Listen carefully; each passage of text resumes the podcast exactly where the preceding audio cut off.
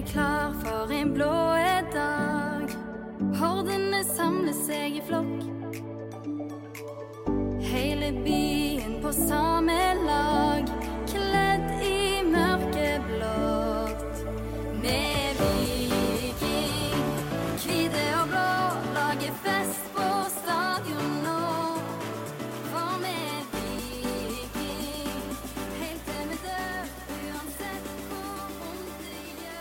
Velkommen til episode 102 av Vikingpodden.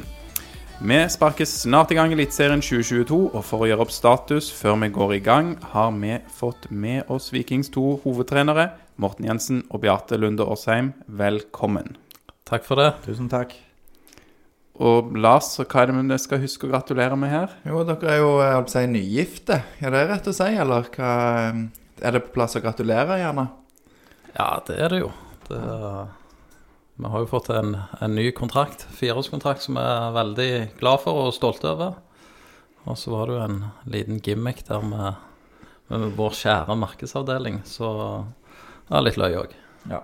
Kreativ gjeng. Var det sånn ekte prestedrakt han hadde på seg? Var det Kjartan som hadde han? Det tror jeg det var, faktisk. Vi, Ja. vi visste jo ingenting om det. Vi visste jo at vi hadde signert kontrakt. Mm. Det visste vi jo. Eh, Men vi hadde jo ingen eh, peiling på hva som skulle skje på den scenen der. Så ja, det var, var litt overraskende for oss òg.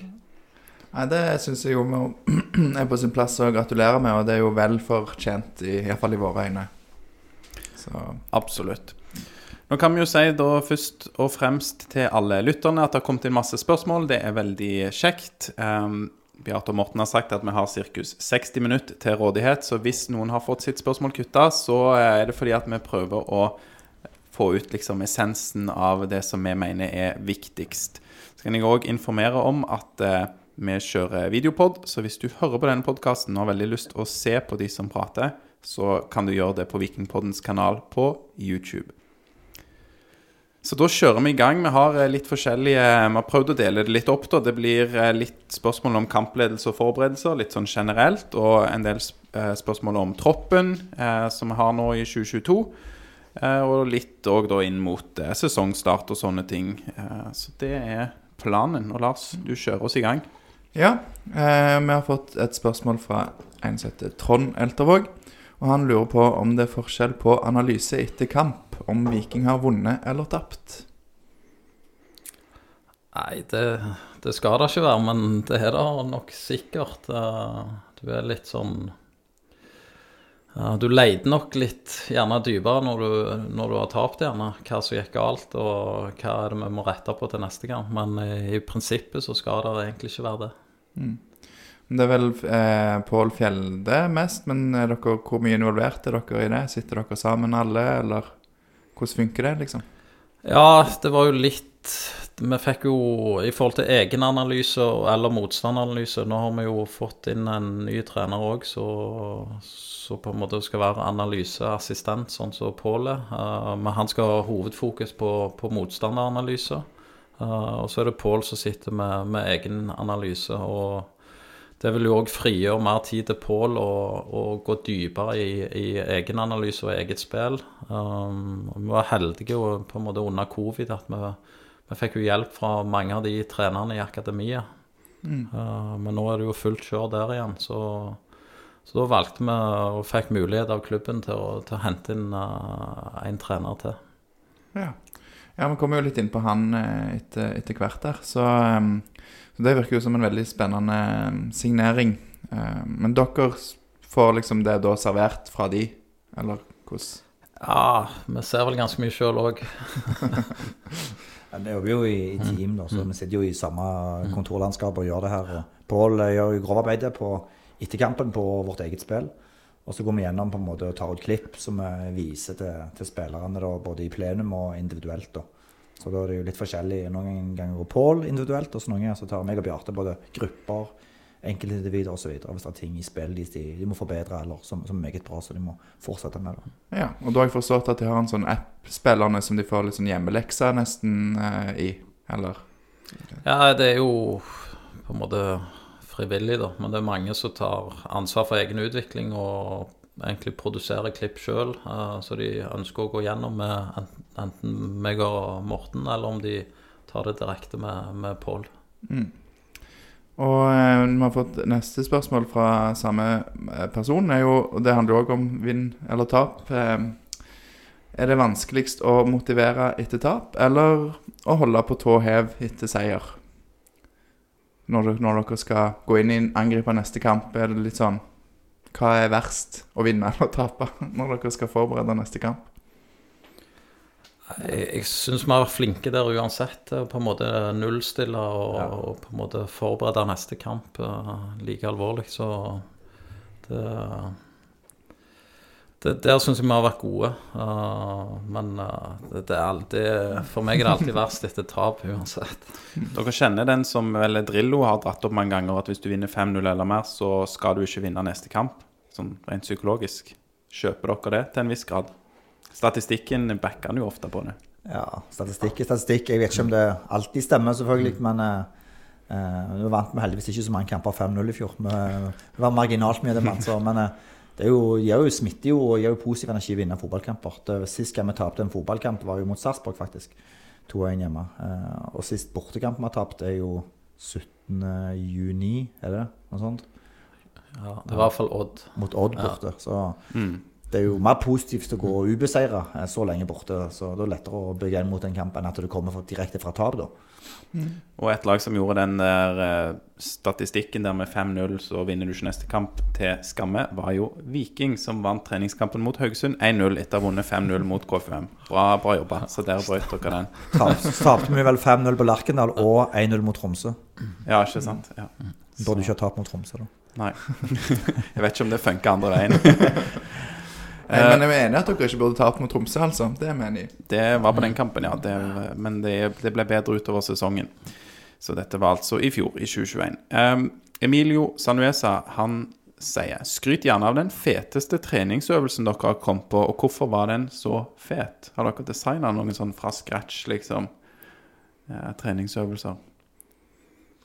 Ja, vi har jo egentlig gjort det på mange øvelser. Lagt vår egen vri. Vi henter jo litt inspirasjon noen plasser fra vår egen spillestil eller andre ting vi egentlig vi har funnet på, på, på Twitter eller andre lag som bruker. Men beskriver beskrive en, en øvelse Vet ikke jeg hva, hva det skulle vært, Bjarte. Har du noen? Nei, men du, jeg liker jo hvis det er litt fart og litt presspill og litt Ja, sånne litt ting. vilt. Litt vilt, da liker jo jeg det godt. Så Du likte vel den vi hadde her om dagen, da? ja, den likte jeg godt. Ja. Type sånn fire mot Fire mot tre, og så blir det en lang ball andre veien, og så blir det et andre ballspill må omstille, og så en ball som går bare mot vanlig åtte mot åtte. Men generelt øvelser er veldig kamprelaterte, både i det fotballfaglige, og, men òg i intensitet. Det, det syns jeg er kjekkest. Sånn at det er ja, mest mulig kamplikt, da. Så de kjenner igjen situasjoner og sånt. Fra. Ja, det Og vi kjører jo en del spill òg for å få opp den kampintensiteten. Og da står gjerne Morten på sida og spenner inn en ny ball og ball ute av spill, og så bare starter ballen hvor som helst, egentlig. Det er der Morten bestemmer han skal starte. Det høres ut som dere følger disse prinsippene fra Viking sin egen podkast 'Mesterlære'. Er det ikke det den heter, Lars? Jo. Der det ikke skal være mye dødtid, det er jo én ting. Og at treningene skal være forberedt. Dere leverer sikkert på det òg. Treningene er ganske forberedt. Ja, det er vel jobben vår, så vi må forberede øktene. Det er ikke sånn at de blir De ikke funnet på ute på feltet, det gjør det ikke. Men eh, det er jo sånn øvelser som vi trenere syns er veldig spennende og kjekke. Det vet vi at en del spillere ikke syns, for du må gjøre ut forbi komfortsonen og, og gjøre såkalte drittoppgaver da, eh, i enkelte øvelser. Så eh, da tror jeg de liker mange litt sånn De liker jo firkant. Vanlig firkant. sant? Det kan være fem mot to eller uh, syv mot tre, en større firkant. Uh, og så liker de jo veldig godt sånn uh, avslutningsøvelser som det er noe med. Det, det liker de jo. Så um, Hvis du hadde spurt spillerne, så tror jeg de hadde heid på litt sånne øvelser. Og så elsker de å spille, selvfølgelig. Uten noen spesielle regler eller begrensninger. Og så har det jo, skal vi innrømme det, at det er en del øvelser som er good on paper, men shit on grass. Så det er det. Som, Ja, det- som vi gjerne skroter. Ja, det har, uttrykket har jeg hørt før. Eh, Hvem var det som eh, Var det en vikingtrener? det Ja, det? tror jeg faktisk. Ja. Jeg er ikke helt sikker, men jeg, Oi, ja. jeg linker mot Benny. Men Okay. Ja. Ja. ja, jeg lurer på om det mm. kan stemme. Ehm, på en mann som dere jo har med dere på treningsfeltet, er materialforvalter Stian Refvik. Han kommer for øvrig til oss eh, neste uke hvis vi klarer å få landa dag. Det er litt sånn med forbehold. En travel mann, han eh, i to fotballklubber. Trener for SIF og i det hele tatt. Men eh, Tore i Espedal han lurer på om dere hadde lagt merke til det hvis noen hadde bytta Stian Refvik med Juan Mata. Samme venstrefoten, da. Det er jo strålende. Så ja, nei, Stian er en fantastisk type, og vi er veldig glad for å ha han, eh, ha han med oss. eh, Og han er, på, han er dommer i, på treningshverdagen vår, og det er en ganske tøff jobb. Eh, Så det er ikke alle som tåler å stå der og bli hudfletta fra både nord og sør eh, pga. det blåser straffe eller feil innkast eller står i veien for en spiller som er på vei framover osv. Så, videre. så nei, Stian han er, han er fin. Ja, vi har jo vært på um, besøk på han eh, når han forbereder til garderoben til kamp, så vi fikk jo litt innblikk i hans arbeidshverdag, i hvert fall den delen av det, men forstår jo at det er mer enn det. Um, et annet spørsmål vi har fått inn fra en anonym, det er en som ber dere forklare hva XG er for noe. Og Det er jo noe som vi av og til snakker om her i podden. Alexander er fæl på å nevne det, og vi går jo ikke inn og forklarer så mye hva det handler om. Så da lurer vi på, kanskje dere gir en kjapp innføring i hva XG er? Og gjerne hvordan dere bruker det, hvis dere gjør det. Her er du god, Morten. Det er jo expected forventa mål, da. For og imot. sant? Eh, Expected GA, det er jo against. Så.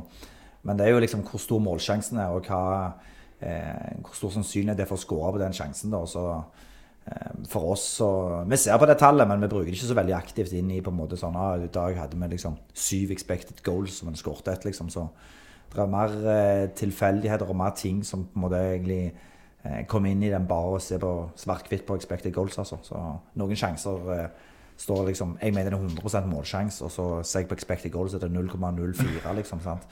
Så ja. Det er vel òg hvis du ikke får avslutta, f.eks., så er den expected goals ganske lav. Ja. Ikke sånne ting. Det er det. ja. Og det er trist å se til skudd og sånn fra distanse. Det, Det er lav XG. ja. Hvis du begynner å se på det, så skyter du ikke langskudd lenger. For da vet du at det er så liten sannsynlighet for å skåre mål ifølge de her tallene. at det, ja. ja, det er det er sant. Det blir jo dumt å bare se på det. Og hvis du bare skulle gått etter høy XG, så ville du blitt ekstremt statisk i spillet ditt. Sant? Ja. Da ville det vært veldig forutsigbart. Eh, men er dere flinke, syns dere sjøl, til å på en måte eh, se forbi eh, resultat og se forbi disse situasjonene. Hvis du hadde spilt kampen på ny og hadde produsert like mange antall, antall sjanser, så hadde vi mest sannsynlig vunnet. Hva, hvordan klarer dere å balansere det? Resultat versus prestasjon? det snakket vi litt om sist òg, rundt de der smarte målene vi måler oss sjøl på. Så det er jo i hvert fall et sånn verktøy vi bruker. Ja, uavhengig av resultat. Mm. Så Det forteller egentlig noe om spillestilen, om mm. utvikling, eller hvordan vårt DNA ser ut. Så det er jo noe som er på det som er vår greie, da. Eh, som ikke vi, vi deler med så mange andre, da, men så, som vi måler internt på hvordan utviklingen er i vårt spill. da. Både med forsvar og, og angrep. da. Så for eksempel så vinner mot Kongsvinger 2-0, men de skaper jo altfor mye sjanser, så vi er jo ikke happy med Vi bruker sunn fornuft, vi går gjennom og så ser hvordan de kommer til sjanser osv. Så, videre. mm. Og dere sier dere deler ikke det med så mange, men her er vi jo bare fire stykk, så er det noe dere vil by på her? Ikke sånn rocket science. nei, det er ikke noe sånn kjempehemmelig heller. Men det kan være ant antall brudd vi får på deres halvdel. Um, det er jo linka opp med mot det høye presset vårt. Uh, antall ganger vi kommer inn i assist zone, som vi kaller inn i boksen. Uh, deres. Eller motsatte. Hva er det dere er mest fornøyd med av disse her eh, eh, parametrene som dere måler dere på? Jeg, jeg liker jo brudd på motstanderens halvdel. Det jeg er gøy. Det er en kort vei til mål. da. Det er litt sånn Kjenne til spillestilen vår. Ja, og det er òg at vi kan komme inn i motstanderboks ofte og på en måte skape mye sjanser. og Det er jo på en måte noe både meg og Morten liker, men òg Stavanger-publikum liker. Mm. Vi skårer jo ikke så mange mål som vi skårer i fjor hvis ikke vi har ekstremt fokus på disse tingene på en måte i treningsdagen og kamperdagen. At vi, vi vil jo være et offensivt Syns det høres bra ut, jeg, Aleksander. Ja, jeg syns òg det. Eh, Det er jo på en måte litt relatert. Hvor går balansen mellom å gi unge spillere spilletid med tanke på utvikling, og det å sikre tre poeng og seier? Altså Står dere der på sidelinjen og vurderer av og til sånn Tar vi sjansen nå? To unge inn. Ja, det gjør vi. Eh, Det er alltid tre poeng som er viktigst. Vi er jo en toppklubb. Og du kan ikke være naiv heller. Eh, Og hvis vi kan greie det tre poeng med unge spillere, så det er ingenting som gleder oss mer. Men eh, vi leter jo etter muligheter for å gi unge spilletid. og nå var det dessverre sånn at eh, vi vant som regel med ett mål i fjor og lå bakpå.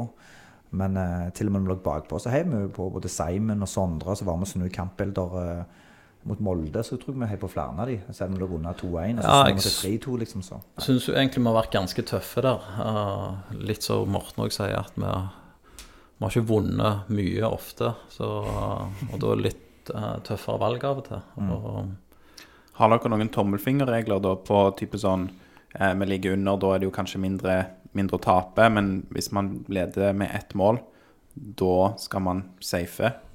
Da er det andre grep som tas. Det er jo tryggere for eksempel, å spille hvis det er trygt mot deg, så hive på Vikstøl f.eks.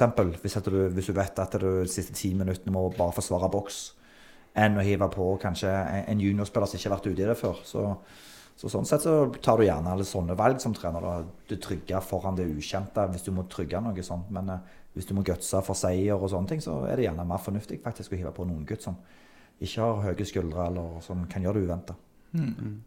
Hvordan eh, Er det fem bytter i år òg, eller? For det eh, har det vært i cupen. Men er det det i serien? ja, Ja, det er det.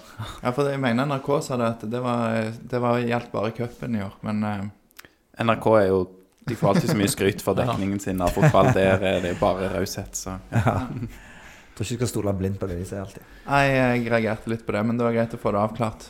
Ja. Så, mm. Snakke litt om troppen i år, da. La oss du begynne med et litt sånn lett spørsmål.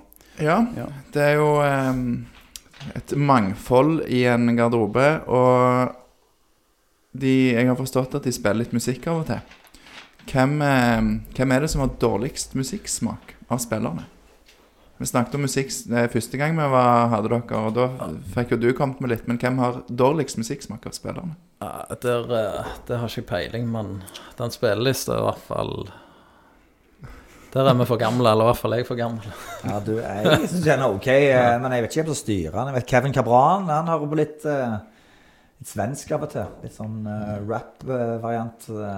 Jeg vet Løk han kjører alltid DDE når han får sjans. ja. Så er det mange, Hver gang vi har vunnet, så av en eller annen grunn så kommer de her Stavanger-kameratene på. Men det tror jeg de er markedsavdelingen som styrer. Jeg vet ikke om de får betalt eller noe sånn royalty-spillerne for å spille det når Kjartan kommer inn i garderoben. Jeg vet ikke. Ja, det, det er bra, men da er det greit å ha en egen garderobe da, for dere, som dere kan trekke dere litt tilbake. Ja.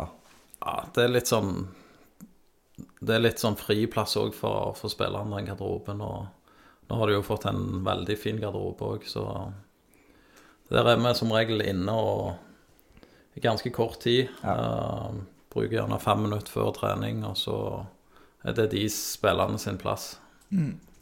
Og i deres garderobe så er det hvem av dere som kjører musikken? Nei, vi har jo rett på sida av Stian Refvik sin lille hule, så der går det mye på skambank, hører jeg i hvert fall. Uh, han spiller ganske høyt, så Og mørkt.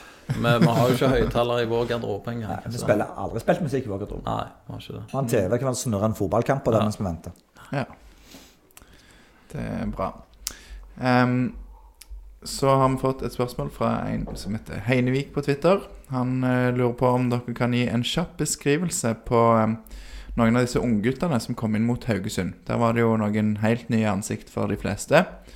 Um, litt om styrker, svakheter og favorittfilm etc. Han foreslår favorittfilm. Det, ja. Favorittfilm. Kanskje mest styrker og svakheter, og bare sånn litt kort om de. Ja, nå har jo de, nå, vi har jo fulgt de og sett de um, uh, når de vant G, G16. Um, og så var de med og trente med oss ei uke. Uh, Kasper, uh, fin ro med ball. Um, Ja, veldig. ser ut som han har verdens beste tid hele tida. Og flink til å spille, spille enkelt. Det er Kasper Sæterbø, stemmer det? Eller? Ja, sentral midtbanespiller. Ja. Så um, veldig Sikkert og fornuftig med, med ballen. Det ser, det ser Ja. veldig spennende ut. Ja. Mm. Kjekt at de tør å være seg sjøl òg når de får slippe til mot Haugesund, sånn som vi har sett på G16. Ja. Det var, det var ikke han, men det var han Andreas Tveiten som satte opp eh, Ja. Simon Nei, nei Torstein var det han Ja. satte opp, ja. På en måte flinke, flinke å dra folk. Uh, Andreas? jeg, ja, ganske sånn generelt med alle de, at de, de gjør mye fornuftige valg med, med ballen. Uh, det så vi jo når vi så på det G16-laget òg, at de er veldig flinke i valg, og de gjør i risikovurderingene med ballen. Så Så det, Ja, Andreas var uredd. Han kom inn som indreløper. Lavt tyngdepunkt. Eh, tok av han Krüger, tror jeg, der som ble stående igjen. Og så fant han Fedda. Det burde jo vært eh, målgivende for han, det. For det, der skårer jo faktisk Fedda i hvert fall åtte av ti ganger. Jeg tenker på expected goals, så er jo Fedda klink sikker. Hvis det er én duell nesten vil gi sjansen til der under meteren, så er det jo Fedda. Eh, og så var det jo han Felix, spilte jo midtstopper. Så, Felix Lillehammer. ja, så han er jo ny viking i år. Eh, Det var første gang vi ble kjent med denne uka her. Så godt inntrykk. Seriøs Seriøst gutt, det òg. Så en får gå en god midtstopperskole der med Vilja ved siden av seg, så vi er flinke å lære fra seg. Så var det en som var syk òg, Edvin Austbø, som sikkert har vært på leppene til mange eh, vikingfans fra før. av Han skåret mye mål. Han var, var syk, dessverre, så han skulle òg tiltenkt å spille litt. og Han virker òg veldig spennende og, og virker veldig eh, klar mentalt. da. Eh, for kanskje i fotballivet så, så venter han disse ungguttene. For det er jo en ting å ha talentet, men en annen ting er å være forberedt på det, på det mentale. Så han hadde med på, på treningsleir til, til Marbella, og han greide seg veldig fint inn i gruppa der som, eh, som veldig ung spiller, og hadde en tale til, til, til spillerne der nede. og ja, Veldig fin høyrefot når han går inn i banen, sånn fra Slatko-vis, da, og så setter han i lengste. Der, så der har han en fin læremester i Slatko, men eh, han er ikke langt bak han heller i forhold til avslutningsferdighet. Hvor, I hvor stor grad er disse en del av treningshverdagen og kommer, til, liksom, kommer de til å være med i tropper av og til? Eller ja, hvor, hvor mye er de involvert i A-laget? Ja, nå er vi jo med ganske Har vi ganske store tropp, så de er på en måte hakket bak uh, de som er på en måte fast med hos oss. Men vi forventer jo at disse spillerne tar steg. Og, og de kommer nok til å bli invitert på trening uh, i løpet av året. Og hvis noen tar steget, så, så tar de steget. Og vi håper jo uh, spesielt gjerne på, på hjemmebane at vi kan få sjanse til å å ta én og to gjerne med på benken av og til. Så var det vel Ali Mehmet også, som var den siste som kom inn av de mm. fire unge der på slutten. Han kom inn på kant. Er det han spiller på det meste, eller er det Ja. Ja. Han er litt eldre enn disse 05-guttene vi snakket om nå. da. Ja, okay, ja. Men òg veldig spennende å være med oss på treningsleir til, til Marbella. Uredde, fart, Ja. god spenst. og- Veldig god spenst. Ja, han òg er veldig spennende. Men eh, det som er viktig å si, da, det er jo for, for disse andre vikingguttene, om de er født i 06, 05, 04 altså, Selv om det er noen spillere som får være med og trene med A-laget, så vet jo vi òg at det er flere i den gruppa der som kommer til å utvikle seg neste år, månedene, eh, som gjerne kommer til å gå forbi disse guttene vi snakker om nå. Så Det er det som er så kjekt i, i sånne treningsgrupper og et akademi som Viking. at det, det er mange underdogger der så, så kommer til å utvikle seg både fotballmessig, men også kroppslig, som gjør at de kan ta kvanteskritt på de de konkurrerer med. så det er umulig for Bjarte og meg å sitte og si her at de fire vi nevnte nå, f.eks., er de som på en måte vil ta steget om to år. Det kan være at det er en dark horse på både på Vidar eller Brodd eller Hinne eller hvor han befinner seg nå, en i Sebulonsen. sant? Så det er jo litt herlig med, med fotballen at det, det er ikke noe som er gitt på forhånd. Mm, absolutt. Det er mange veier opp dit, ja. Ja. Synes jo Mehmed eh, Jeg så han litt i begynnelsen av sesongen i fjor for Viking 2. Så syns jeg han har tatt ganske bra skritt siden, siden det. Hatt en god utvikling bare på det året. Ja, Så må vi ikke glemme disse spillerne vi låner ut nå. Herman Haugen, Heine, eh, Lars-Erik Sødal, Sørli Henriksen. Sant? Det er jo spillere på en måte som er for gode utgangspunkt utgangspunktet selvfølgelig til å spille tredjedivisjon, men veldig spennende profiler som er ute og prøver seg i både Obos-liga og, og Post Nord. nå, Så, så det, ja, det, er, det er vanskelig å vite hvem, men noen vil ta steget. og noen må gå omveier eh, og gjerne bli utlånt og bli sånn Lasse Berg Johnsen-variant. Og noen, eller en som mange håper skal ta steg òg, det er jo Mai Traoré. Og Øystein Wihovde han spør hva er Mai Traorés fremste egenskaper på banen? Han har jo Ja, jeg syns jo han er god på hodet. Eh, enormt god timing og, og trøkk når han header i boks. Um, jeg syns jo han er en fantastisk venstrefot òg. Um, når han curler det i hjørnet. Um, og så har han ja, litt uheldig at han ikke fikk være med til, til Amerika og, og gikk glipp av den der. Jeg tror han hadde hatt godt av eh, å på en måte vært med oss hele tida og fått en, en god oppkjøring, men eh, jeg, jeg føler han livner mer og mer til. Det beste, gjerne sånn kvaliteten utenom det som Bjarte nevner, er jo gjerne at han er jo en medspiller.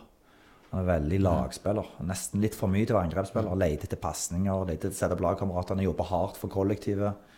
Så noen ganger skulle jeg ønske at han var litt mer egoistisk, skjøt litt rappere. Uh, Istedenfor å lete og så gjøre andre gode. Så han uh, imponerer meg i forhold til at han kommer fra en annen kultur. da.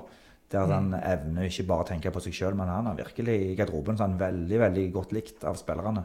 Og jeg tror hele laget sitter og heier på han og venter på han som skårer første mål. De, du så jo forrige kamp, Slasko de, de prøver å lete etter han og prøver å sette han opp. Ja. Så, så han skal få det første offisielle Vikingmålet for det barlaget. Det, for det mangler han jo. Så det er noe forløsende over der. Hvis han får det, så, så ser det ut som det bor noe spennende der. altså.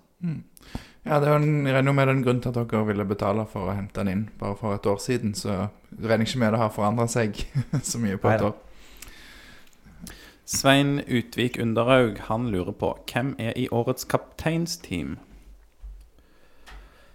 Da har vi Viljar, Veton, Slatko Joe røyk jo ut. Sistemann er Løkbakk. Løkbakk, selvfølgelig. uh, så ønsker vi jo en til inn der. Så det er ikke bestemt ennå. Kommer det en til da? Jo. Ja, det er vel mer eller mindre bestemt, men Men det er ikke kommunisert.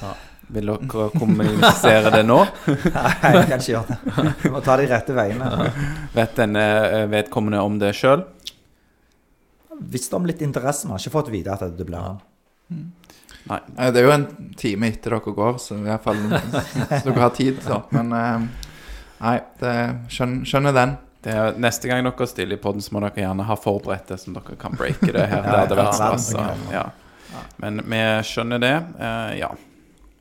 Ja, og så eh, har vi fått eh, et annet spørsmål fra samme som ville være anonym som sist. Eh, hvem har flest gjennombruddspasninger så langt i år per 90? Og hvem har færrest? Jeg vet, ikke, jeg vet ikke om jeg skjønner det spørsmålet helt. Er det på i treningskampene vedkommende siktet til her? Ja, det må det jo være, Ja. tenker jeg. ja, er det, det er en quiz? Det er et spørsmål til Han har svaret sjøl òg. Ja. Eh, Vi har et svar her, skjønner du. Å, ja. Men, Ja, det var eh, forvirrende for meg, så ja. men om dere vet dere hvem? Har dere Slatko, kanskje. Det er helt riktig. Han har 4,9 per 90. Eh, færrest, da, av alle som har prøvd.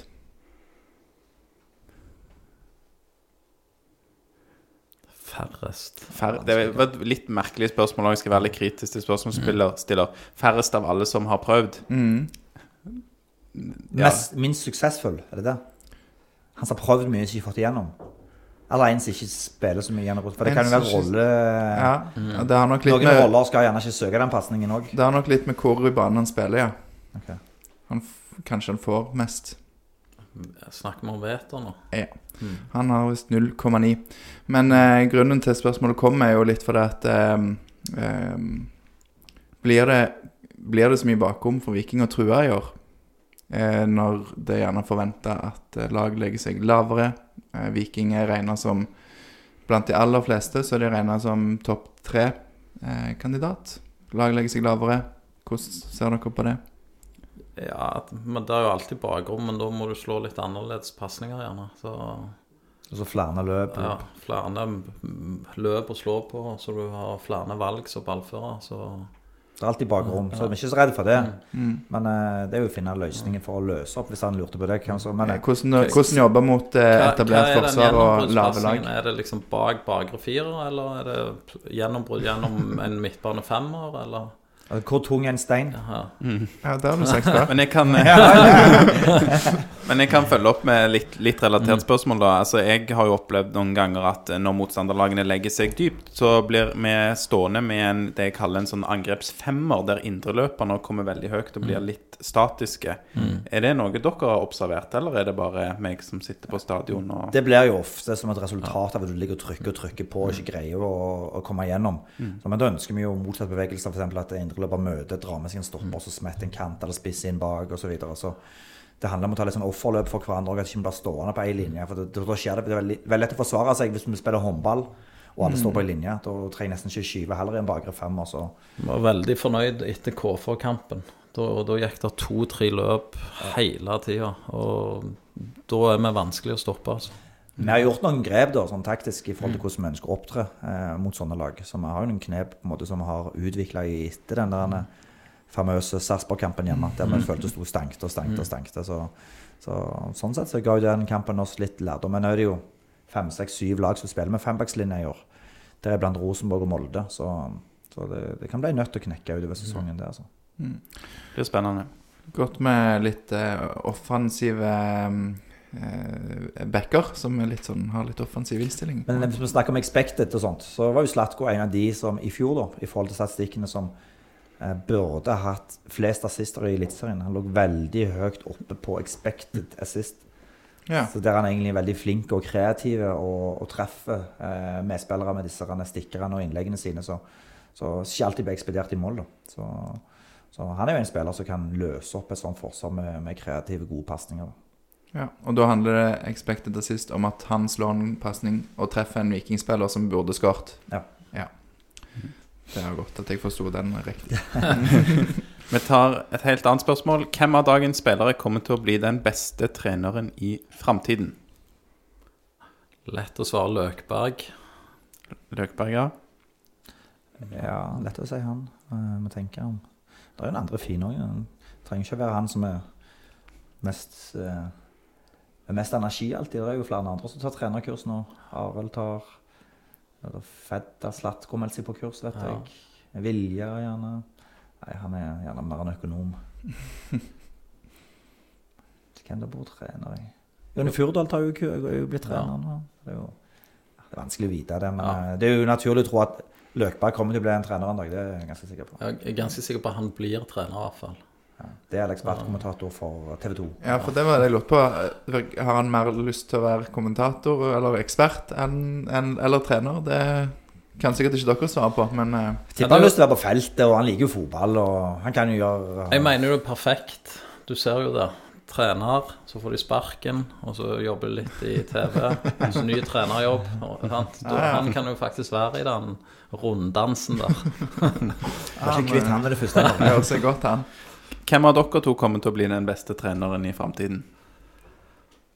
Han. Det var raust, det, Morten. Ja. Ja. Er du enig? Nei, jeg eh, det, det, det spørs hvem som står lengst i det, tror jeg, og hvem som på en måte er villig til å, til å ofre ganske mye. For du Det er ikke sikkert vi er vikingtrener for resten av livet, og hvor går ferden da? Eh, Det er vanskelig å si. Hva du sier nå, har dere òg lyst til å dra ut utenlands? Nei, jeg Nei. bor på Hundvåg, så jeg er ganske hjemmekjær. Det var godt. Ja, det var, Jeg er grodd fast på Tananger. altså. Det er godt å høre. Det er det vi liker å høre. Eh, her kan ikke du eh, svare deg sjøl, eh, Bjarte. Og du har vel òg eh, spilt noe Har du spilt noen juniorkamper for Viking? var det det? Ja. Så dere kan ikke svare dere sjøl, Morten og Batty. Men hvilken tidligere vikingspiller eh, ville dere hatt tilbake til klubben? Og her står det spesifisert at det er noen som fortsatt er aktiv, så da er dere utelukka uansett. Det var et spørsmål fra Mari SR. Hva sa du nå? Hvilken det var en tidligere vikingspiller som fortsatt er aktiv, som dere kunne fått tilbake til klubben. Joe Bell? Joe Bell. Han var god, Joe. Så tar jeg eh, Christian. Mm. Han òg er ganske god bit godt fra seg. ja, men jeg snakket om det på forhånd, og da tenkte jeg at Christian gjerne kom til å komme opp. Og da snakker vi om eh, Torstvedt. Det er flere Christian òg, tror jeg. Eh, Heter han eh, Novak? Ja, Er ikke han òg eh, stemmer. Var han på? Jerv-spiller. Det var han du tenkte på, ja? Ja. Ja, det var ikke Thorstvedt, nei. Nei, Nei, sorry. Det Det var var, Novak. det var, det var Novak. Dum antakelse av meg. Beklager. Ja. Umulig å, å løse ut av kontrakten i Jerv. Kristian Novak. Er det ikke Jerv han er i nå? Jo. Stemmer. Um, Edvin Hereid lurer på hvem som er beste lokalfotballspiller gjennom tidene, om han hadde fått plass i dagens Vikingstall. Og han sjøl hadde. Nei, om den spilleren som er den beste lokalfotballspilleren gjennom tidene. Ja, det tror jeg jo. Hvis det er den beste gjennom tidene i lokalfotballen. Det var jo høyt nivå i lokalfotballen. Masse gode spillere der, så det tror jeg må svare ja på. Og hvem er det? Det har vært mange gode spillere, vet du. Det spørs, er det en, en spiller som aldri fikk spille på toppnivå? Det hørtes mest gøy ut. Ja. Ja. Tror man kan svare litt som man vil på det. Ja. Hvem er det da vi ville sett? Her tror jeg du er bedre enn meg, faktisk. Altså nyere tid, så Jeg tror Daniel Berntsen kunne greid seg bra på det beste. Ja, han var god. Ja. Um,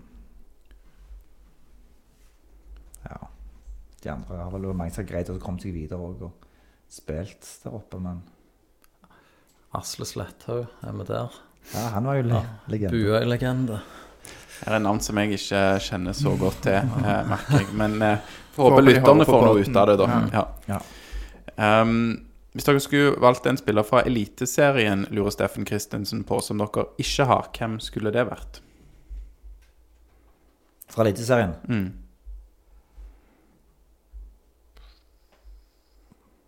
Kommer det der Bodø-greiene dine, du? Nei. Vil vi ha noen, da? Vi kan ta um, et, et litt relatert spørsmål. Det er det siste sånn hypotetiske spørsmålet. og Det er fra Ola eh, Egeland. Hvis dere kunne signert hvem som helst, hvem skulle det vært? Helst en aktiv spiller. Det er jo greit, for vi har jo de beste spillerne i Eliteserien, så da går vi videre på hvem som helst. Ja, for der er det sikkert noen som kunne Må være en. Everton-spiller der, da, Bjarte. Hæ? Det ser ikke sånn ut nå. Skal være en blomster under våre vinger. Jeg likte han der høyrekanten til Everton. Han unggutten der. Ja, Ja, Gordon. Gordon. Ja. Så vi tar han. Ja, vi tar han, faktisk. Han skåret skårte på U21 òg, han nå. Ja, det? ja. Gordon tar vi. Ja. Men det var gøy spørsmål. Eller gøy svar. Det var kreativt. Så det um, Det må vi gjøre litt research på etterpå. Se på noen klipp av Gordon. På, Gordon. Ja, ja, han var ganske bra. Jeg så Ja. han live faktisk mot Tottenham. ja. Skårte fint mål nå på U21 England, så vi kan finne fram. Så har det kommet inn noen spørsmål om Veton Berisha, da, sikkert ikke overraskende. Um, vi kan ta først Markus Tak01. Han sier hvis Veton eh, skulle dratt, hvem hadde dere fått inn som erstatter? Og så sier han sjøl at han kunne tenkt seg sjøl å få en Mollins fra Sarpsborg. Det eneste er at han er 32 år. Så jeg vet ikke med, Det er kanskje ikke et, eh, et, et spørsmål i det. Jo, det er jo spørsmål hvem skulle kommet inn som erstatter, og det samme spørsmålet har Håvard. Har dere en plan om Veton ryker?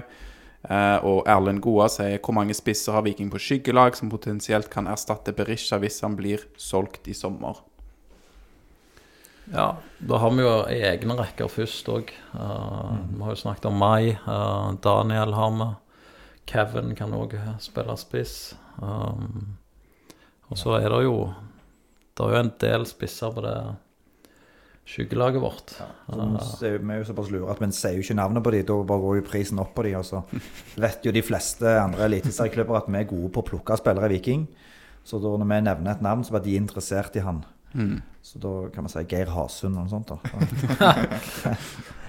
Nei da. Vi har noen på lista, så vi, vi vet jo at det, vi må ha alle alternativer klare om vi skal miste midtstopper, back, keeper eller hva det måtte være. Så opererer vi disse skyggelagene. Men det betyr jo ikke at de er tilgjengelige. Det er jo en ting er på en måte at vi har de på lista, og om de, de vil eller klubben vil selge, eller om det Så det er mye som skal klaffe for å få til en overgang. Og så er det vanskelig med spiss, for én, det er ofte dyrt. To, det er jo ikke noen garanti for at de vil eh, funke. Så det er ofte den vanskeligste posisjonen å rekruttere til. Og Mollins tror jeg blir for gammel for oss i forhold til vår spillestil. Men en veldig smart fotballspiller, god i boks. Så vi skal få hanskes med han på, på søndag, så, men jeg tror ikke han skal til Viking. Nei. Ehm, hvor mange spillere er det på disse skyggelagene sånn totalt? Vet dere det? Har dere en feeling? Altså, er det, er det 1000, eller er det 10 000? Nei, det er ikke 10 000. Det Nei. er det ikke. Uh, Da ville man hatt for Men- mange, ja. Men mange er jo fordelt òg på Land. ja, f.eks. Danmark. Uh, noen er fordelt i alder. Må skyggelag for eksempel, Ja. Eh, dansk superliga, dansk førstedivisjon, svensk eh, eliteserie, førstedivisjon, engelsk Bossmann-spillere, spillere i Norge på utgående kontrakt, eh, spillere fra Australia og USA, forskjellige nivåer. Norske spillere i utlandet, norske spillere i Asia osv. Så, videre. ja, så det Ja. trekker jo all slags. Så det blir noen hundre, da, hvis jeg prøver å summere opp, kanskje. Ja, du kan egentlig ta stort sett alle de ligaene vi tror vi kan handle ifra innenfor så litt sånn, Skal vi få tak i en spiller til Viking, så er det ikke vits å handle en eh, avdanka som kommer her som ser på seg sjøl som større enn klubben. For oss er det viktig å hente en spiller som tenker wow, fader, her i Viking er du fantastisk. Her er det mulighet for meg å utvikle meg, og her kommer jeg til en by og en fanskare som jeg er ikke vant med, gjerne. Sant? Så da, han får, vi får en sånn supereffekt av, av overgangen. da.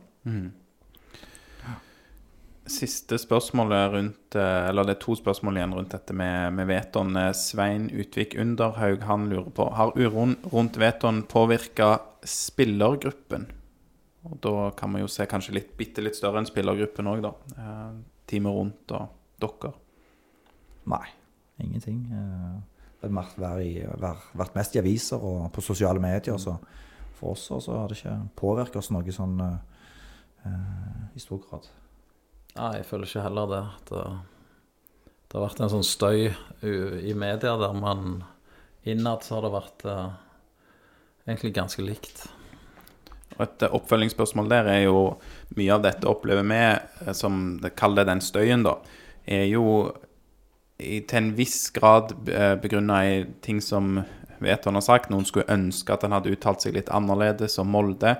Eh, Men mye er jo eh, rykter, eh, og disse ryktene er jo basert på lekkasjer fra mm, folk i klubben, rundt klubben. Har dere noe, Tenker dere at dette er uheldig, da, at ting lekker ut? Ja, det er det jo hvis det, hvis det kommer på en måte innad i, i klubben, så er jo visse ting kan være uheldig. Men det er så mange eh, på en måte involvert, og det er så mye agenter. Um, ja. Ja, ja, det er, altså Rykter kan vi ikke Vi ser at det er mye rykter rundt all slags spillere og ting som ikke er i Viking. og Det er jo bare egentlig det er jo bare summen av at folk er engasjert. eh, De liker klubben sin, de vil lese om klubben, de, de vil spekulere osv. Og så er det jo noen ting som eh, er uheldige som kommer ut, da, som vi ser på Oi, hvordan kom det ut? Det, jo, det stemmer jo faktisk. Eh, men så er det masse ting som kommer ut der som ikke har rot i, i virkeligheten. og så, så vi må ta det med en klype salt. Så de fleste spillerne er ganske hardhuda, og de vet liksom sjøl hva, de- hva de står for. Og så, så går det an for spillere å være smarte i, i sosiale medier og intervjuer og sånne ting for å, for å avverge eller avdempe ting. Så ja, det, det er noen falsetter der òg. Det er vel litt sånn en ikke kommer helt utenom. Ehm, det neste spørsmålet går jo litt hånd i hånd med det. Du sa Veton sin, sine svar. Folk skulle ønske de svarte annerledes, gjerne. Og vi, vi stiller jo av og til spørsmål til spillerne, og vi får litt forskjellige svar. Glomsaker han lurer på hvilke ternekast vil dere gi medieopplæringen spillere og trenere for i Viking? De får jo ikke medieopplæring i Viking. Så kanskje, kanskje noe- da. Kanskje noe som skulle ha vært. Det skal noen som hadde hatt behov for det òg, men eh, det viktigste er for, eh, for, for fansen det er jo at spillerne på en måte eh, ønsker å spille for klubben og vise det på en måte søndag klokka, klokka seks. At de løper skjorta av seg og trår til dueller og ofrer seg og liv og helse og, um, for, for å vinne den kampen. Liksom. Og det, det føler vi at vi har en veldig god tropp som, som viser virkelig det at de uh, vil ofre alt for å få de tre poengene. Mm. Men blir de oppfordra til å på en måte by på seg sjøl? For det opplever vi jo at dere er gode på, eller klubben er god på. Vi får jo som regel de vi spør om når vi ønsker å gjøre intervjuer etter kamp og sånn. Ja, men jeg tror jo Det media har jo økt, så jeg tror ikke det er en sånn en dum ting som klubb heller å på en måte ha litt trening på det, gjerne spesielt for unge talenter som kommer opp, og folk er jo forskjellige. Sant? Noen elsker det jo, mens andre syns gjerne det er vanskeligere. Så vi har jo diskutert det, men vi jeg, jeg husker jo sjøl når jeg har spilt, at vi hadde faktisk en sånn en medietreningdag, men uh, uh, da- Jeg syns jo de stort sett greier seg veldig fint. Ja, det gjør de. Eh, Sjelden vi har noen, fått noen reaksjoner på Mm. spillere eller oss trenere. på en måte. Det, jeg tror det handler om å være seg sjøl. Naturlig så må du òg tenke at ok, media prøver noen ganger å stille noen spørsmål òg for oss. å Få noen spekulative svar eller eh, overskrifter eller clickbates eller kall det hva du vil. Så jeg syns de er ganske flinke. Jeg, og rett etter kampen å få en mikrofon kjørt rett opp i fjeset etter et tap, eller til å tenke seg om og, og svare litt sånn politisk korrekt. Så kan dere jo bare sende spillerne hit, for vi føler vi er ganske snille og vil spillerne vel. Så det er sånn Ja. fint, uh, fin stepping stone kanskje mot uh, hardere medier. Jeg ser, Lars, jeg, eh, jeg bare ser litt på tida, så jeg har kutta ut en del spørsmål. Hvis jeg kutter ut noen du absolutt ville ha stilt, så får du bare stille de. Takk for det. takk for Ja. det. Um, Vi har jo, eh, når dere kom her, så hadde vi For man hadde fått et sånn hefte, eller jeg vet ikke hva det kalles, magasin fra VG, som lå framme. Og da begynte dere å bla litt i det 100 sider om Viking fra eh, bl.a. han Svea i VG og, og sånn. Og Steffen Christensen han lurer på, Betty, hva syns du om at eh, du ifølge VG sitt nyeste magasin om Viking at du blir kalt for en av Vikings teknisk beste spillere gjennom tidene? Og blir rangert som nummer 11 i historien. Ja, jeg, hva er teknikk? Jeg, jeg har ikke Jeg har ikke dribla mange i, i, i karrieren, men jeg hadde OK pasningsfot, faktisk. Og ellevte hørtes for høyt opp på lista. Hva, hvem, hvem var det du fant som var foran han, Morten?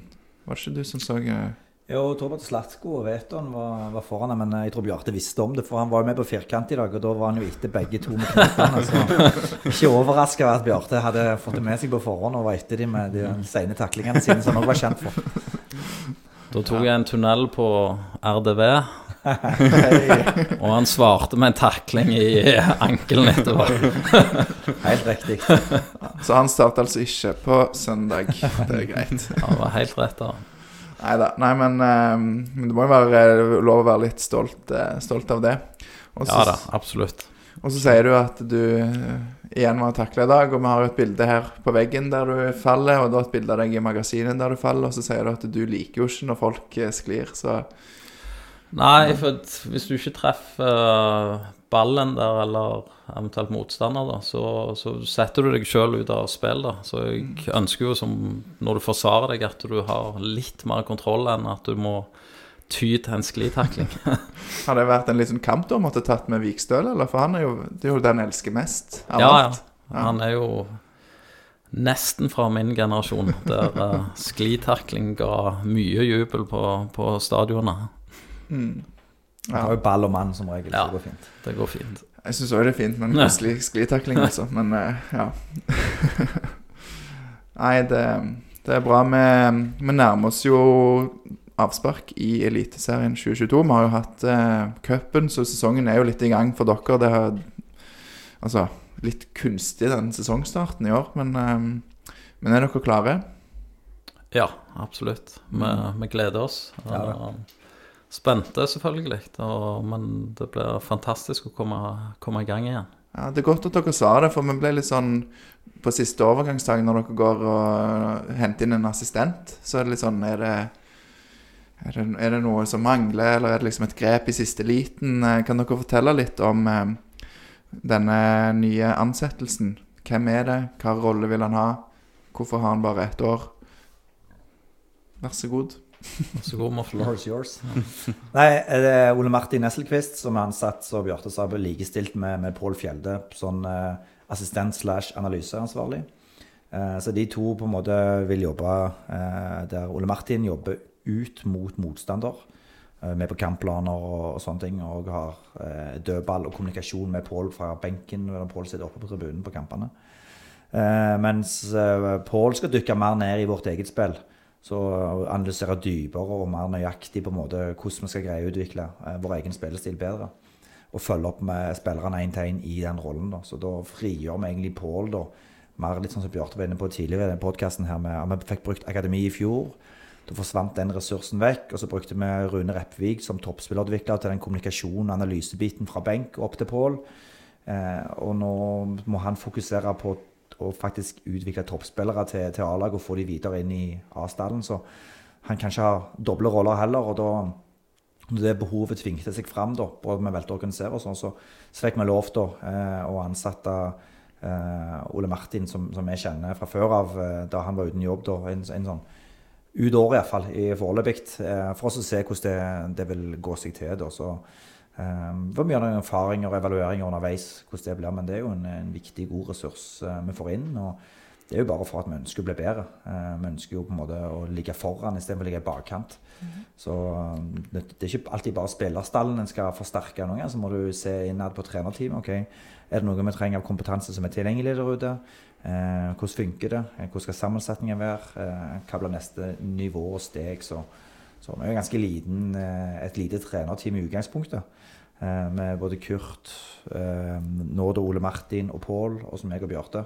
Og så er det det fysiske apparatet med, med Halvard og sånt utenom som, som eh, kjører den fysiske biten der. Men hvis du ser på de større klubbene, så er de ganske mye større, tar en analyseteam og sånne ting. Men så har vi valgt å organisere oss og dele analysejobben egentlig i to. da.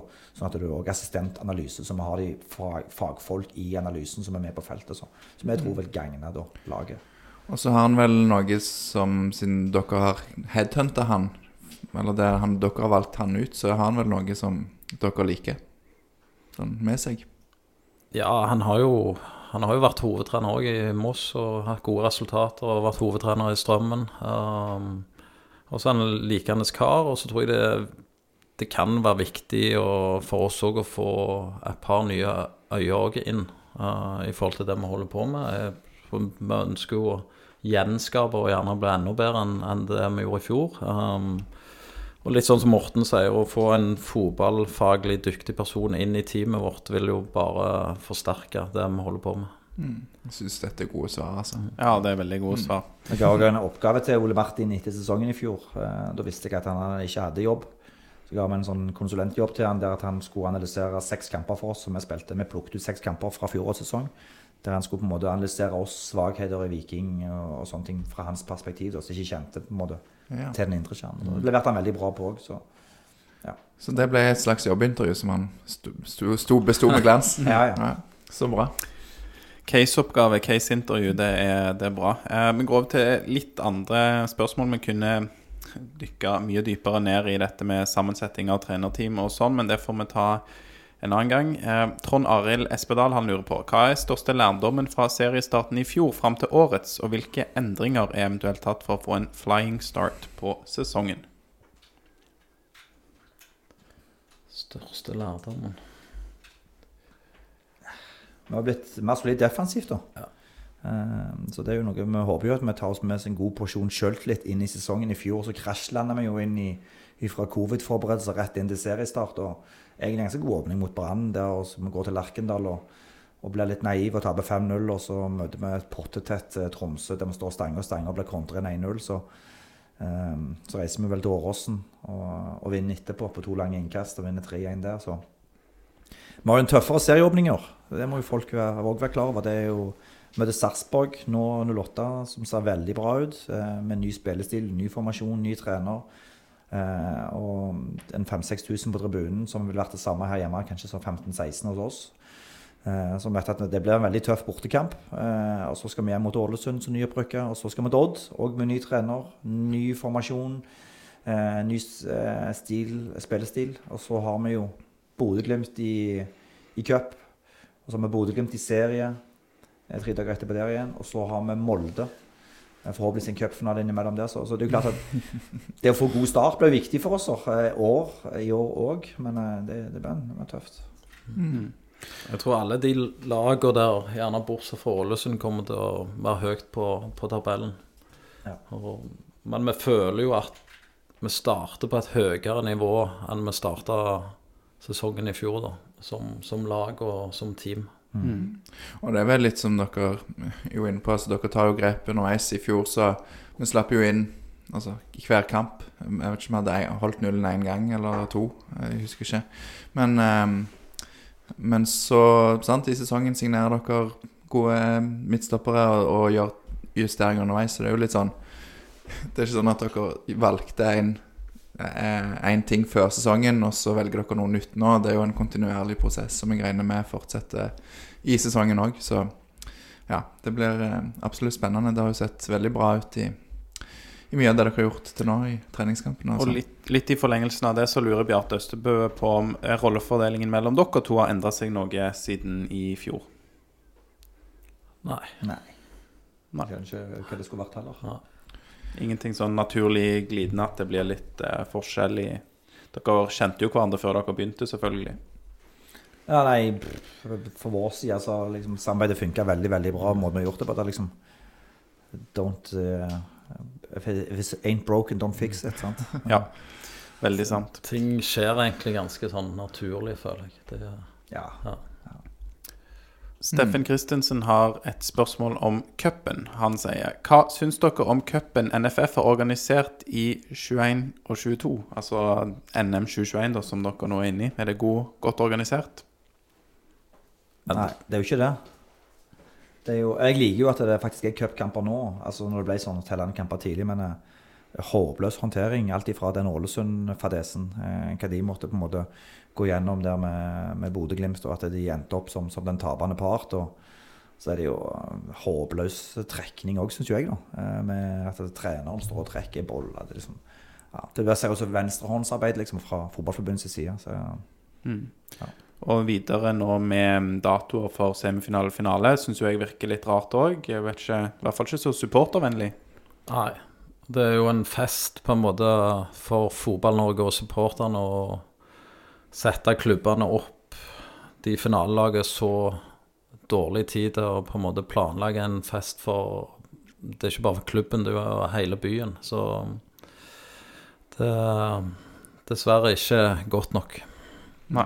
Det skal jo være noe, altså Hvis du kommer til en cupfinale, så skal jo byen du representerer, da kunne glede seg i to-tre uker og lage et arrangement. og Du skal planlegge med jobb, og du skal reise deg til Oslo. og Den faller jo nesten vekk nå med at du må snu deg rundt på åtte dager. Det blir sånn hastverk. Men eh, vi skal til Ullevål, da. Det er jo om ikke glemme. Ja, det er godt. Og nå ble jo datoen der òg flytta til fra den lørdagen til søndagen pga. at Bodø-Glimt kanskje Altså Det er jo helt håp- håpløst å flytte pga. Bodø-Glimt. Det er jo ikke et uh, alternativ engang. Det er jo vi som skal der. Men uh, ja, helt til slutt om troppen og, og, og sesongen 2022, så er det jo et, et spørsmål som alle stiller seg, som er Ja, jeg skjønner ikke hvordan dere kan eh, Dere må nesten fortelle litt hvordan dere tar et valg her. For Sondre eller Sebu? Begge deler. Begge deler. Ja, for det er jo, vi har jo et luksusproblem her på høyrebekken. Det er jo kanskje beste høyrebekk, høyrebekkdekningen i landet. Hva, Ja, helt enig med deg. Og det, det er et luksusproblem og et egentlig kjekt problem for, for, for meg og Morten. Uh, To lokale gutter og Ja. med et mørkeblå hjerte og 100 profesjonelle. Så kjempevanskelig å velge fra kamp til kamp. Jeg er sikker på at begge, vi kommer til å se de begge fra start mye. Uh, noen ganger samtidig. uh, noen ganger én fra start, og gjerne én som overlapper. Så, ja. ja, altså, kanskje en av de kan bekle andre roller òg, i, i ny og ne. ja. Når du sier en av de, så er vel det Sebulonsen fort. Først og fremst. Har du sett Bjørsvold på avslutningstrening? Nei. Jeg har sett han skåre mål mot Kristiansund, da. Ja. Han skår- han skårer hvor mange mål han skåret for Viking? Sånn ett? Det er 1. april i dag, så jeg vet ikke om jeg skal dra det så langt. Ja, det er bra. Eh, vi nærmer oss 60-minuttersmerket, som er det dere har eh, sagt at dere foretrekker av tid. Men jeg, jeg tror jeg prøver å forenkle et spørsmål her litt, Lars. For det kom et eh, godt spørsmål inn om eh, ønskeliste på, på kule arbeidsverktøy og teknologi. Er det noe sånn eh, dere har sett dere ut da? Altså det foreslås eh, dronekamera, eh, footbonaut. Jeg vet Ja, ikke hva Footbonaut? Det er en sånn, en sånn bur med masse sånn Der du kan, det kan komme ut baller fra overalt, og du kan liksom plassere baller så det lyser. Og det jeg vet at Dortmund bruker det. Jeg har Ja, sett litt på YouTube. Mm. Så det, det er jo veldig kult å sjekke ut. da Det er mange kule videoer på YouTube om fut, altså, eh, astronaut bare med footbo okay. foran. Ja, så et alt alternativ kunne jo vært en eh, flink datafyr og matematikkprofessor, var forslag herfra. Hvem er det som er eh, spørsmålsstiller? Ja. Nei, det var anonym. Ja. Drone har vi jo. Drone har vi. Um, men det er så kjekt nå da for oss er jo at vi har fått kamera der bak måla. Ja. Sånn at vi får på en måte um, den vinkelen der på strukturen vår. Um, det tror jeg er et sånn fint verktøy vi kommer til, til å bruke mye. Og så syns jeg det er gøy med, med gadgets og sånne nye ting som du nevner. Denne hallen som de har i Dortmund, eh, eller hva det var sånn, men der kan jo bare han Heine Vik dra i gang en sånn innsamlingsaksjon. Det er et ledig område rett bak der, så vi kan bygge en liten sånn dome. eh, så- Ja, ja. Det er, det er noen millioner euro, så jeg, men det, det går fint. Ja, Spytte i litt hver, så har man. ja, Ja, fint det med en spleis. Ja. ja. Men da eh, Så ikke en datafyr og matematikkprofessor altså, som kan regne ut eh, hvordan dere kan kontrollere maksimum av rom. Og, ja, det var egentlig mange gode forslag der. Ja, ja. Men eh, ja, hvis dere hadde hatt all makt, eh, hva regelendringer kunne dere tenkt dere å gjort i fotballen? Regelendringer. Ja, eh, kanskje det med effektiv spilletid. Ja. At det er en kamp varte klink 60 minutter, f.eks. Eh, at det blir stopp hver gang du har spill. Så slipper du disse Lars Bohin-lagene på SR-Bank som har effektiv spilletid på 22 minutter. Ja, Dere gjør en god jobb oppe i Bodø òg, må, må jo sies, da. Takk for det. Ja. ja, nei, men det er interessant. Hva tenker du, Bjarte?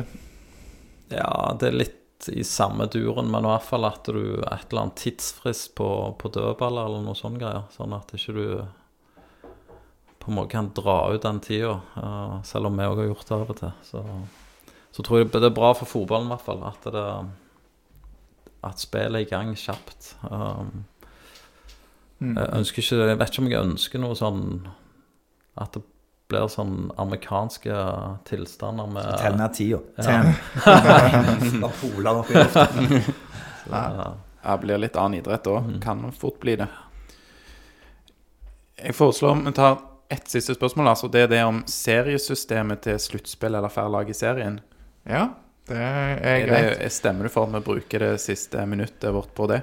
Ja, altså det er jo også Det er veldig kjekt å ha dere her, og vi kunne jo sittet her i timevis med både med spørsmål fra lyttere og ting vi sjøl lurer på, og dere kunne fortalt ut det via det breie. Men må jo benytte anledningen til å si at vi har jo hatt dere på besøk før.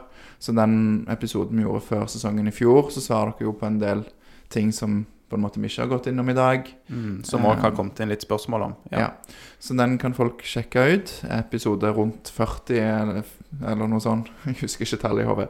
Men eh, ja, vi, tar, vi, vi kan gjøre det sånn, Aleksander. Det er helt greit. Da stiller jeg det spørsmålet. Nå er har tid til å tenke mens jeg snakker. Altså. ja. Hva tanker har dere om en eventuell omlegging av seriesystemet til sluttspill eller færre lag i serien? De er jo litt kreative nå eh, på kvinnesiden, og det er ikke så populært, er vel mitt inntrykk, da. Nå, skal, nå mente jeg ikke å ha det som ledende spørsmål, for det går an å gjøre det bedre enn man gjør det på kvinnesiden, tror jeg. Veldig dårlig eksempel. Det, du kunne valgt Danmark eller liksom Ja, der det er mer populært. Ja. Ja, det går inn et sluttspill der i Danmark. Jeg kunne jo tenkt meg at vi snudde om og så spilte på eh, At vi begynner serien i, i august. Og så da vinterpause. Og så spiller begynner igjen i slutten av februar, begynnelsen av mars igjen. Og spiller ferie til midten av juni. Sånn at det, du hadde hatt fri når hyttefolk har fri, holdt jeg på å si. Enig med deg, Morten. Har etterlyst det lenge. For mye motstand, men ja. Oh, ja. ja. Jeg tror det hadde vært fint, jeg. ja. Mye bedre å være i synk med Europa. Ja. Ja, jeg vet ikke jeg heller om jeg er så keen på et sluttspill, altså. Det er, og færre lag og Men det funker jo i Danmark, og de, det er jo der kvaliteten skal øke. og- Men jeg, jeg liker egentlig sånn som vi har det her i Norge. Det er jo veldig sånn Altså, jeg gjorde en, en eh, artikkel Eller et intervju med Henrik Hegheim på, på hjemmesidene våre. Og da, han var jo liksom Han syntes det var veldig kult, da, for at da ble det toppkamper i helgene framover. For der spiller de jo De deler tabellen, og så spiller de på en måte dobbeltserie sånn. Og det fins jo mange kreative måter å gjøre det på, men det er jo en fordel at det er veldig oversiktlig og enkelt. Den som er på topp, vinner. Og så, og så er det sånn. De som er nederst, rykker ned. Henter kanskje inn litt mer penger da med de store kampene, f.eks. Ja, det kan en jo gjøre. Der er det jo òg færre lag i, i serien. Men uh, er det bare at vi er, liker å ha det sånn vi alltid har hatt det, som, uh, som gjør det? Ja, det er vel det. Jeg tror det er satsingen er ned ei gruppe som skal granske eller evaluere dette nå, og se på pros and cons eh, med dette. Så, men jeg har egentlig brukt mest energi på Jeg har egentlig lyst til å snu den sesongen. Sånn. Mm. Eh, Jeg tror det hadde vært bedre. Ja, det er jeg enig i. Mm. Men det er klart de får nok eh, På de sluttspillskampene så får du jo nok eh, mer toppkamper og mer kvalitet um, i forhold til de lagene som skal ut i Europa, den biten der. Um, men så mister du sikkert òg noe på veien. Mm. Ja, det er jo fordeler og ulemper med Mm. alt, så Det er jo òg noe som en fort kunne hatt en egen pod om, med sånn seriesystem og hvordan det funker. Og det fins det sikkert folk som er bedre på enn eh, oss, men uh, interessant å høre hva dere tenker. kunstgras blir det samme. Mm, Ja, ja. blir det, bytter dere kunstgras, eller? Vi skal jo, det ble jo vedtatt at vi skal til gras. nå. Vet dere ikke med dere det? Nei, jeg må, jeg må inn og lese. Ja, det, mm, jeg må gå inn og lese i morgen, kanskje. Om det er noe. Det er veldig kjekt, for det, det er ikke, Morten, Det er ingenting av det vi har sagt i dag som stemmer. podcasten fungerer jo sånn at det er ikke sånn at alle har den i akkurat når den kommer ut. Ja, det kan jo nevne at det er 1. april i Så avslutningsvis, ja, det er go- go- godt poeng. Dette ble, episoden ble spilt inn 1. april 2022. Det er alt med en klype salt. Molins er klar i sommer og i det hele tatt. Molins til Viking, ja, det er bra. Nei, men da tror jeg vi bare sier takk for at dere var med oss, eh, eh, Morten og Bjarte. Og ja, eh, lytterne, tusen takk for at folk har sendt inn spørsmål. Vi spiller inn episode etter første serierunde. Da skal jeg på kamp i Sarpsborg. Da ses vi der. Jeg gleder meg til bortekamp. Eh, lykke til til dere i sesongen og oss alle, laget. Eh, Lars, du mekker episode med Stian Refvik, mest sannsynlig neste uke, så folk kan tune inn for det òg.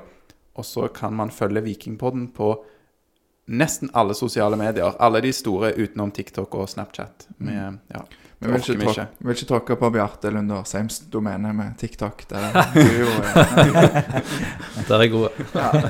Det kommer snart eh, godt TikTok inn fra Bjarte Lunder Seim. Det, det lovte du oss i dag, 1. Ja. april, gjorde du ikke det? Jeg gjorde det. Jeg gjorde det. det gleder vi oss til. Da sier vi som vi alltid pleier å si i Vikingpodden, og det er én, to, tre Heia Viking! Heia Viking.